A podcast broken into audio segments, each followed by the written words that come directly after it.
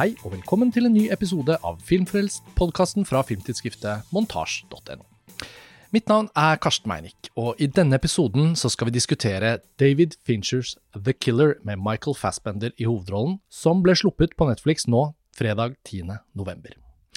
Vi så den da den hadde verdenspremiere på filmfestivalen i Venezia, og tok opp en episode om den der, men valgte til slutt å spare denne episoden frem til filmen kommer og er tilgjengelig her hjemme i Norge. I samtalen i Venezia så var ikke jeg en del av panelet, så jeg har bare gleden av å egentlig ønske dere velkommen til denne praten, og sette tilbake noen måneder i tid til vår diskusjon fra Lido. Og panelet introduserer seg selv, så jeg sier egentlig bare god fornøyelse. Mitt navn er Lars Ole Kristiansen, og jeg sitter her i Venezia sammen med Hedda Robertsen, Hei. Benjamin Jastan Hei. og Mats Otsen, programsjef for Kosmorama internasjonale filmfestival. Hei, hei. Velkommen tilbake til Filmfrelst, Mats. Takk for det. Det var lenge siden sist. Ganske nøyaktig ett år siden i anledning Jean-Luc Godards bortgang. Ja, i anledning en av sine filmer, men så eh, døde han jo mens vi spilte den inn, nesten. Mm. I denne episoden så skal vi snakke om David Finchers nye film, Netflix-produksjonen The Killer, basert på en fransk eh, tegneserie, og skrevet av eh, Andrew Kevin Walker, kjent for eh, Seven. Og det har jo vært knyttet veldig store forventninger til den filmen, med tanke på hva den handler om, om en leiemorder spilt av Michael Fassbender, og manusforfatteren av Seven, som gjenforenes med Fincher. Hedda, hvordan vil du beskrive denne filmen? Eh, søplete action, kanskje. Altfor lang og med et veldig dårlig manus. Mange veldig flaue gutteromsspøker. Og forsøk på litterære referanser. 90-tallssvetten har blitt digital, kan man jo si om Fincher. Den, jeg syns den var helt jævlig, altså fra start til slutt. Eh, den blir bare grusommere jo mer jeg tenker på den, og begynner å, jeg begynner å kjenne et boblende sinne over at denne filmen blir vist på en internasjonal stor filmfestival. Det er en forferdelig saturert, ekkel digital estetikk.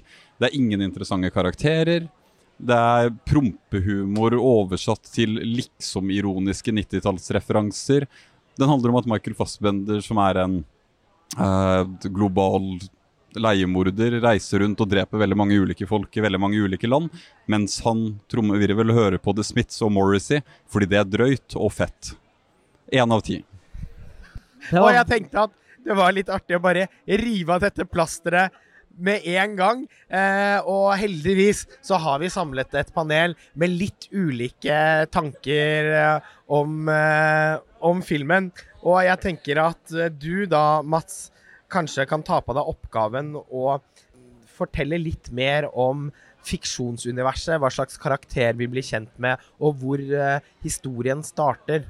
ikke sant, det var veldig tunge skitt som kom inn her uh, fra starten. Men ja, det er jo en film om en leiemorder gestalta av uh, Michael Fassbender, som gjør en feil i et oppdrag tidlig, og det baller på seg. Og vi får dermed følge han mens han på en måte rydder opp i sin feil. Ja, for idet han eh, mislykkes eh, i forbindelse med et oppdrag i Paris, så igangsetter det noen sanksjoner. Eh, og videre så tar egentlig da fortellingen en ganske overraskende retning. Jeg hadde forestilt meg at vi skulle følge Fassbenders eh, rollefigur på ulike oppdrag rundt omkring eh, i verden. Men i stedet så blir egentlig dette her en hevnfortelling, der eh, Fassbenders eh, rollefigur skal på en måte eliminere en rekke navn på noe man kunne forestilt seg at var en liste, hvis filmen var regissert av Francois Truffaut eller Quentin Tarantino. Jeg sikter da til Brud i sort og Kill Bill. Eh. Mats, du er den rundt bordet her som hadde mest glede av å se denne filmen. Ja, jeg vil si det. Det kommer jo inn med veldig tunge skyts her. Jeg vil nok si at uh, jeg syns det er en film som har Fincher sin sedvanlige, ganske stramme og slepne regi. Uh, spennende allerede i starten med en Seven-inspirert introsekvens, og fra der en voldsom klipperytme og flere, mange, mange scener av min favorittsjanger. Menn som går langs gata rundt i ulike byer. Men eh, fra spøk til revolver, som de sier, og som passer veldig godt med den filmen her, så er det en utrolig godt sammensatt film, og godt koreografert film, som er for det meste ganske rolig i sin struktur i handplottet, men som plutselig faller inn i visse veldig godt koreograferte actionscener også. Med det sagt så vil jeg si at David Fincher er en av mine eh, favorittregissører fra gammelt av. Hele veien fra Alien 3 gjennom Seven og Fight Club og kanskje min favoritt i Zodiac og Gone Girl. Så er nok det her en liten skuffelse som et slags uh, nyeste Fincher, men jeg syns likevel det er en god film. Jeg har det samme forholdet til uh, David Fincher som deg, og det vil jeg tro også gjelder mange av lytterne våre. Uh, og mine favoritter fra filmografien er Seven og The Social Network, Gone Girl og Zodiac. Og det knytter seg alltid store forventninger til en ny Fincher-film, også fordi det går så mange år mellom hver av dem. Eh, han har hatt noen sånne raptuser underveis i karrieren, f.eks. da han lagde The Social Network, The Girl with the Dragon Tattoo og Gone Girl. Ja, nærmest på rappen, da. Men så tok det jo syv år mellom eh, Gone Girl og Mank. Og jeg setter stor pris på Mank, men den er jo likevel ikke en film som er spesialdesignet for Finchers eh, thrillerteft. Uh, og at han nå skulle lage en ny thriller fra manusforfatteren av Seven, vel å merke basert på denne franske tegneserien, da. Det har jo skapt veldig mye forhåndsentusiasme rundt uh, The Killer, og jeg ble skikkelig skuffa av filmen. Men når det er sagt, så ligger jeg nok egentlig eh, nærmere deg i vurderingen enn Hedda og Benjamin, fordi jeg tenker at det er en solid sjangerfilm. Men jeg syns jo ikke det er nok. Særlig fordi at jeg syns at opptakten er lovende. Jeg vil si meg helt enig i det. Jeg tror vi ligger nært der. at jeg syns det er en sol solid film, og vi kan jo si på mange måter, hvis noen av uh, lytterne har sett uh, Jean-Pierre Melvilles Le Samurai, så er det en lignende film, men uten det lille ekstra som gjør det til en såpass klassiker.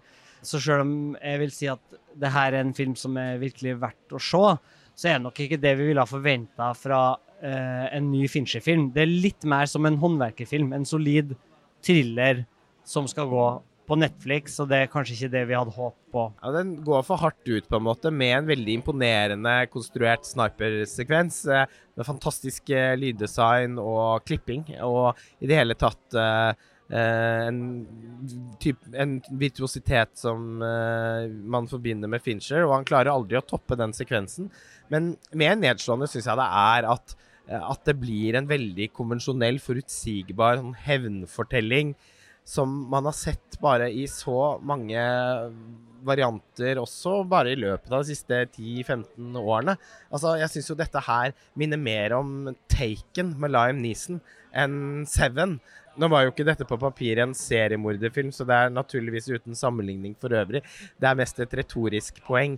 Men eh, jeg satt igjen med følelsen at dette var de to første episodene av en ny strømmeserie for Netflix som ikke er på nivå med Mindhunter. Uh, og det syns jeg jo er ganske en stusslig følelse. Ja, jeg fikk også den uh, strømmetjenestefølelsen. Og jeg, jeg, har vært veldig glad i Melvilles filmer og 'Samurai', som du nevnte. Eh, og den tenkte jeg jo ikke på overhodet når jeg så Fincher nå, annet enn at den går liksom i dybden på én karakter da, og hans yrke. Men jeg, han er jo helt personlighetsløs, og det er jo en del av problemet at uh, jeg bryr meg jo ikke overhodet om hva som skal skje med fastbinder i denne filmen. Jeg blir jo ikke kjent med han. Og han går rundt med en litt teit uh, hawaiiskjorte og vaskehatt gjennomgående. Mm. Ja, og det, det, er det jeg tenker også når Melville først er brakt opp, da, at Melville er jo radikalt antipsykologisk gjennomgående. Mens Fincher her i The Killer prøver å skape en slags eksistensiell dybde eller tyngde til disse monologene. Og Det er der noe av min aversjon mot det 90-tallsteite eh, kommer. At det kommer liksom sånne lange utlegninger eller doseringer om hvordan man dreper og ikke dreper, og følelser og ikke følelser. Og det, har, det får for meg ingen emosjonell resonans overhodet. Eh, jeg syns det er veldig, veldig veldig dårlig skrevet. Men jeg, jeg er nok også, for å moderere meg litt fra utropet i stad, så gikk jo jeg også inn til den her med veldig store forventninger, for jeg syns Zodiac og Gone Girl er to såpass intelligente filmer. Uh, hvor Fincher har veldig et veldig tradisjonsbevisst forhold til sjangeren per se, som han deretter dekonstruerer og setter sammen igjen av bitene. Det, det er veldig smarte krimthrillere. ikke sant? Og Zodiac eh, På den ene siden er det en pastisje over 70-tallets litt sånn tørre New Hollywood procedurals. På den andre siden så er det en dekonstruksjon av 15 års med true crime som skulle følge. Gone Girl er en mediesatire, egentlig. eh, Og kjempesofistikert og kritisk og smart. Alt det der er på en måte bare borte. Det er bare tøv igjen. Og hvis det da hadde vært god nok craft, eller hvis den hadde vært liksom stilistisk, asketisk og hard og kompromissløs, som en veldig vil er det på sitt beste, så kunne jeg ha tilgitt det. Men den prøver også å være spissfindig eller si noe klokt om drapsmannens psykopatologi. Eventuelt noe veldig tøft, da. Ja. Og det provoserer meg. Jeg er meg. helt enig i at det er pinlig, og jeg har ikke noe problemer med at Fincher på en måte tar en for laget eh, en sjelden gang. Altså, eh, og, og lager en eh, oppdragsfilm der han på en måte egentlig bare flekser filmskapermusklene sine, snarere enn å lage noe som er såpass uh, intrikat, som nevnte Zodiac eller Gone Girl. Og eksempel, et eksempel på det er jo Panic Room, uh, som jeg syns er en storartet uh, hitchcockiansk thrillerøvelse. Enig. Fortsatt undervurdert, og med så fan, Altså et den gang nyskapende, delvis digitalt produksjonsdesign. Helt utrolig uttrykksfullt kameraarbeid.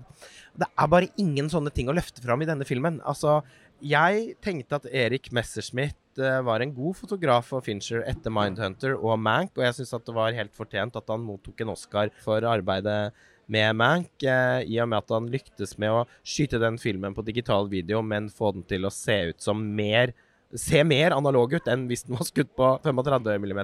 Men eh, han har jo da Han står bak eh, de to personlig største skuffelsene for meg i løpet av festivalen. Han har også skutt Ferrari til Michael Mann, og den så veldig blodfattig ut. Og The Killer ser ut som en strømmeserie. Altså, den har Det ser slurvete ut. Jeg syns ikke den er godt nok grada. Jeg syns lyssettingen er eh, for enkel, og filmen har ikke den gløden. Overflaten har ikke den gløden som de pleier å ha hos uh, Fincher, f.eks. i en film som Gone Girl. Fincher har jo vært en av de store pionerene innenfor digital video. Han fikk det til å se eh, Og eh, Michael Mann på motsatt side da, har jo også vært det, men dyrket digital video som estetikk. Fincher var jo kanskje den første som lyktes med å skyte på digital video og få det til å på en måte mer eller mindre se ut som eh, 35 mm. Bare litt kjøligere, eh, som jo var eh, et veldig kunstnerisk begrunnet valg i Zodiac, da. Som er den første filmen han skyter på digital video i 2007. Det er helt utrolig hvor godt den filmen fortsatt ser ut. Mange eh, filmer som eksperimenterte med digital video tidlig, har eldes utrolig dårlig, men ikke den. Og ikke noe av det Fincher har gjort etterpå heller. Og det er jo da de, eh, Zodiac er skutt av Haris Savides. Lenge leve hans minne. De etterfølgende filmene ble skutt av Jordan Cronwett, med unntak av Benjamin Button, som vel er skutt av Claudio Miranda. Og nå tok jeg meg virkelig i å savne Cronwett. Fordi jeg, jeg, jeg syns jeg, jeg, jeg kan nesten ikke tro at jeg sier dette her, men jeg, jeg syns ikke filmen så noe bra ut. Nei, jeg er ikke uenig.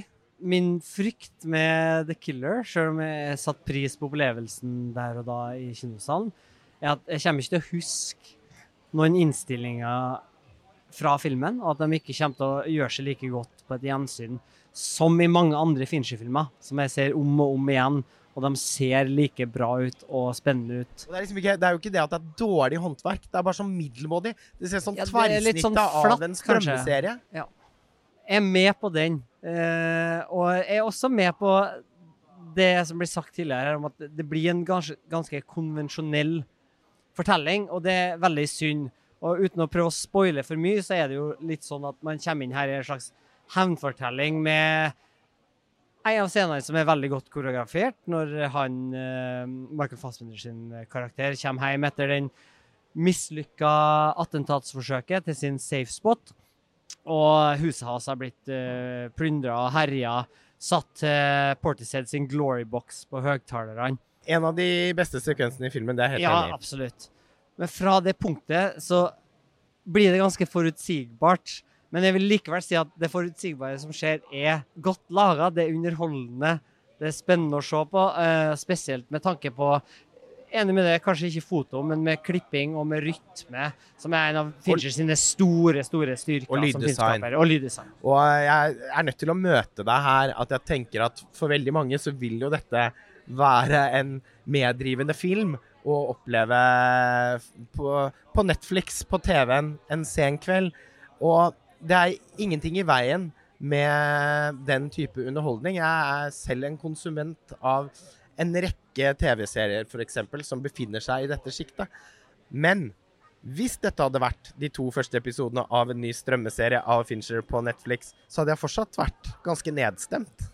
Og f.eks. hvis man hadde satt den opp mot pilotepisoden av Tokyo Vice, som eh, Michael Mann regisserte, og som jo var et comeback for han før Ferrari, og vesentlig bedre enn den eh, filmen. Men jeg er litt nysgjerrig, da. Eh, For vi snakka jo litt om koblinga til f.eks. Samurai. Den koblinga er ganske åpenbar, siden de òg kler opp eh, fastbender i noen lignende kostymer, som Alain Delon har i Le Samurai. Som en slags vits, vil jeg si.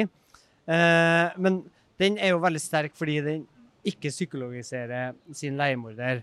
Eh, Og jeg vet dere var kritiske til at de gjør det her, og det er jo noe av materialet som kommer fra den grafiske romanen. Og det er jo eh, stadig en voiceover i filmen der eh, Michael Fassbender sier ting som Anticipate, don't improvise. Som gir en sånn an, annen greie til det. Er det noe av problemet dere hadde med filmen? Jo, for meg er det, blir den monologen hans, da, som vi hører i sånn voiceover fra starten, den blir bare for eh, teit. Så jeg falt vel egentlig av der. Jeg, jeg må si, jeg har alltid forventninger når Tilda Svinten er på rollelista. Eh, og det er hun jo også her, men i en veldig tullete fem minutters scene. Ja. Som filmen selv tror at er litt Ja. stor, eh, og at det blir liksom et koda på linje med Michael Clayton, som jo er en helt fantastisk eh, film. Eh, huff, jeg hadde så bra gjensyn med den for bare et par år siden. Eh, var, den må hentes frem igjen fra glemselen. Ja, eh, jeg tenker at det i hovedsak kan sies å være to måter å bruke veldig store skuespillere på i veldig korte snutter i film. Eh, På den ene siden så har man Bergman-tradisjonen, hvor Max von Sydow kunne dukke opp i fem minutter og endevende hele filmen med en helt enorm prestasjon.